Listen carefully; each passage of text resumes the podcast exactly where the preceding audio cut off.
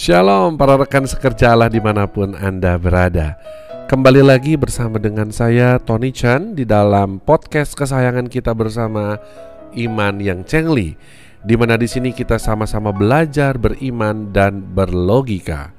Pada episode kali ini saya ingin membagikan sebuah tema yang berjudul Menyikapi konflik di dalam dunia pelayanan sebuah fenomena yang sering kali kita lihat, betul?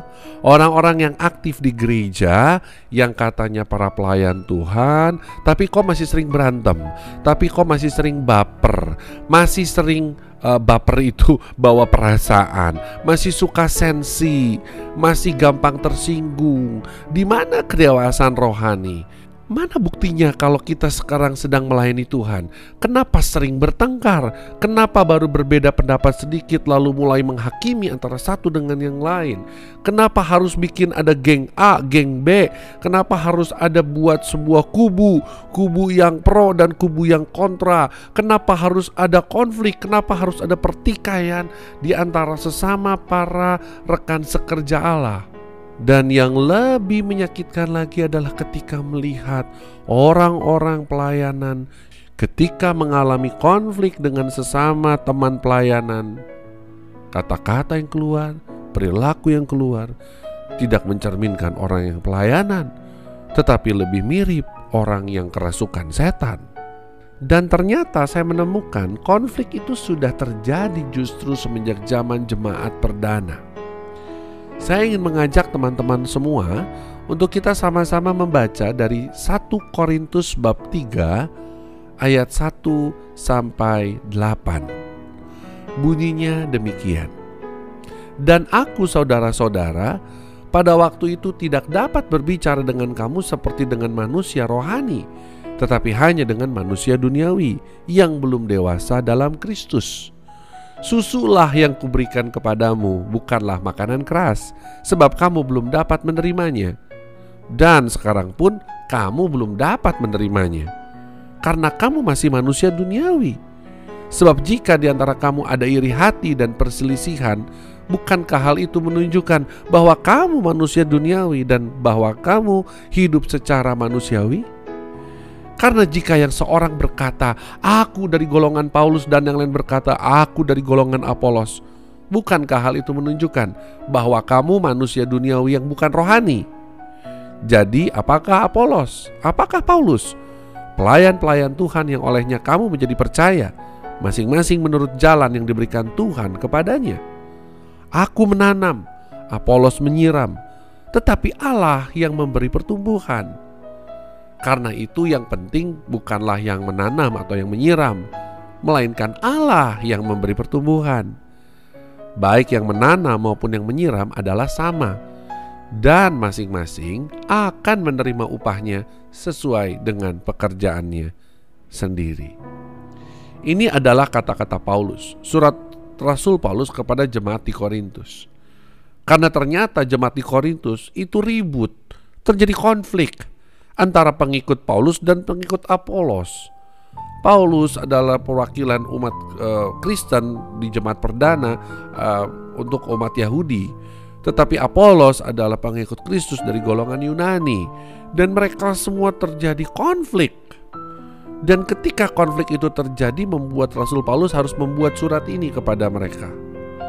Dan ternyata dari perikop ini saya mencatat setidaknya ada lima akar permasalahan yang sering kali menjadi penyebab terjadinya konflik di dalam pelayanan.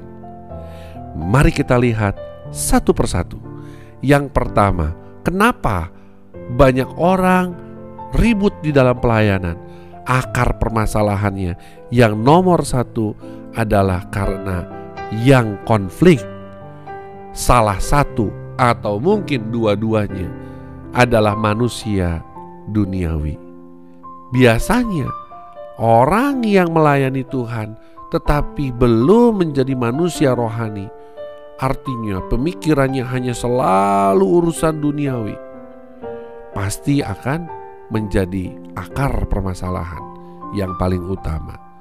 Itu tertera di dalam surat Rasul Paulus yang barusan kita baca, dikatakan pada waktu itu tidak dapat berbicara dengan kamu seperti dengan manusia rohani, tetapi hanya dengan manusia duniawi yang belum dewasa dalam Kristus. Manusia rohani tidak akan pernah bisa bersatu, tidak akan pernah bisa kompak dengan manusia duniawi. Jadi, teman-teman, yang namanya ribut dalam pelayanan itu wajar, tetapi harus segera disadari siapakah dari pihak-pihak yang bertikai itu yang masih mengenakan manusia duniawi. Karena sejatinya kalau kita pelayanan tetapi pola pikir kita masih pola pikir dunia, selamanya kita tidak akan pernah selesai. Selamanya kita akan selalu menjadi sumber masalah. Karena saya pun pernah mengalami hal yang sama. Yang kedua, akar masalah yang kedua adalah kedewasaan.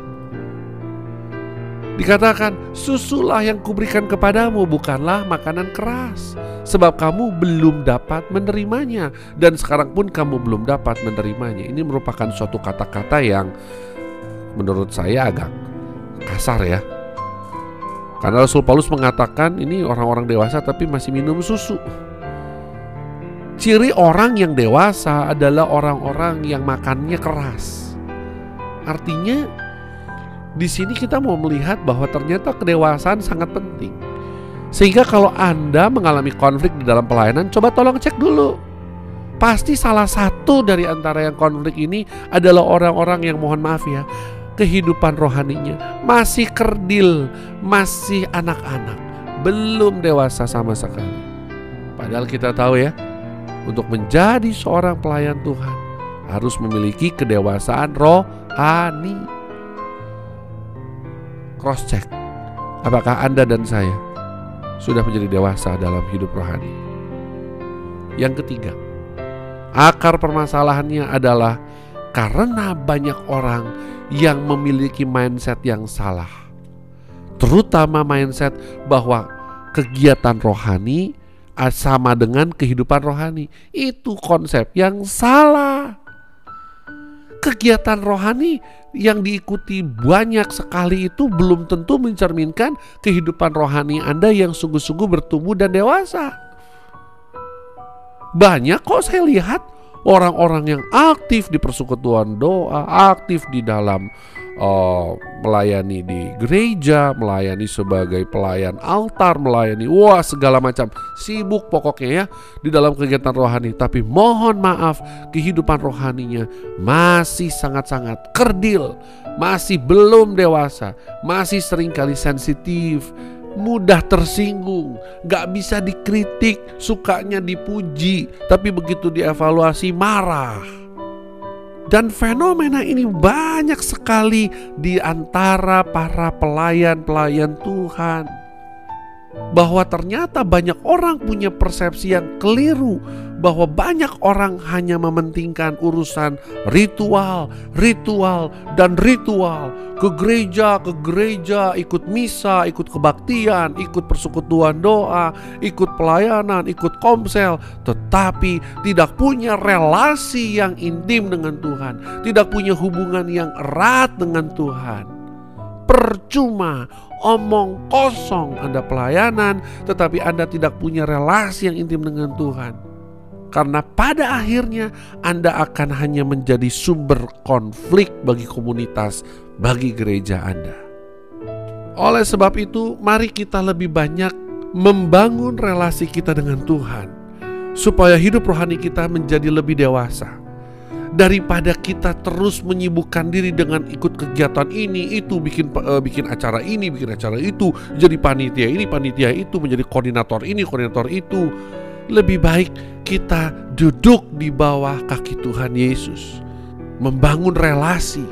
Karena dengan demikian maka percayalah kita akan semakin didewasakan oleh Tuhan. Yang keempat akar permasalahannya adalah karena sibuk sendiri perkara menanam dan menyiram. Rasul Paulus menulis di ayat yang ke-6, Aku menanam, Apolos menyiram, tetapi Allah yang memberi pertumbuhan. Karena itu, yang penting bukanlah yang menanam atau yang menyiram, melainkan Allah yang memberi pertumbuhan.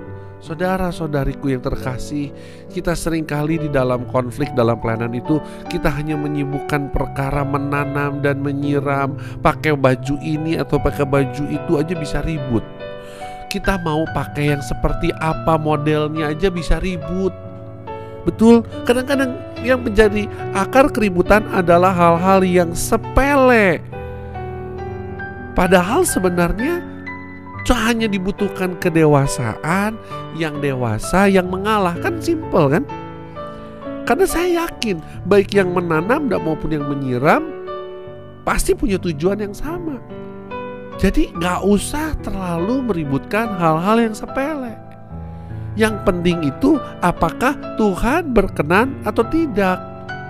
Itulah makanya yang akar yang kelima saya langsung sampaikan saja karena sering kali di dalam kegiatan pelayanan kita, di dalam kegiatan menggereja, di dalam kegiatan-kegiatan yang kita lakukan, kita tidak bersinergi dengan Allah yang memberi pertumbuhan. Kita sering kali lupa bahwa gereja ini milik siapa. Komunitas ini milik siapa? Acara yang sekarang kita sedang buat, kita sedang menjadi panitia ini milik siapa? Sehingga akhirnya kita ribut sendiri. Kita lupa untuk bersinergi dengan Allah yang mempunyai acara. Kita lupa untuk bersinergi dengan Allah yang memberi pertumbuhan kepada kita semua. Oleh sebab itu, akhir kata, marilah saat ini kita mulai menyadari bahwa ternyata konflik itu memang ada, konflik itu memang Tuhan izinkan terjadi, tetapi kita harus ingat kita harus selalu disadarkan bahwa kalau konflik itu terjadi harus ingat Amsal 27 ayat 17 mengatakan besi menajamkan besi, orang menajamkan sesamanya. Ketika Tuhan mengizinkan ada konflik terjadi di dalam pelayanan kita, jadikan itu salah satu sarana untuk kita refleksi. Apakah kita sudah dewasa atau belum? Dan memang kadang-kadang Tuhan menggunakan konflik yang terjadi dalam pelayanan untuk semakin membuat kita dewasa di dalam Tuhan, dewasa di dalam kehidupan rohani. Oleh sebab itu, marilah kita terus lanjutkan kehidupan kita, terus semangat melayani Tuhan, jangan alergi dengan yang namanya konflik di dalam pelayanan, tetapi selalu sadari bahwa konflik itu ada dan diizinkan hanya untuk mendewasakan kita. Sampai jumpa di dalam episode berikutnya di dalam iman yang cengli di mana di sini kita sama-sama belajar beriman dan berlogika. Shalom.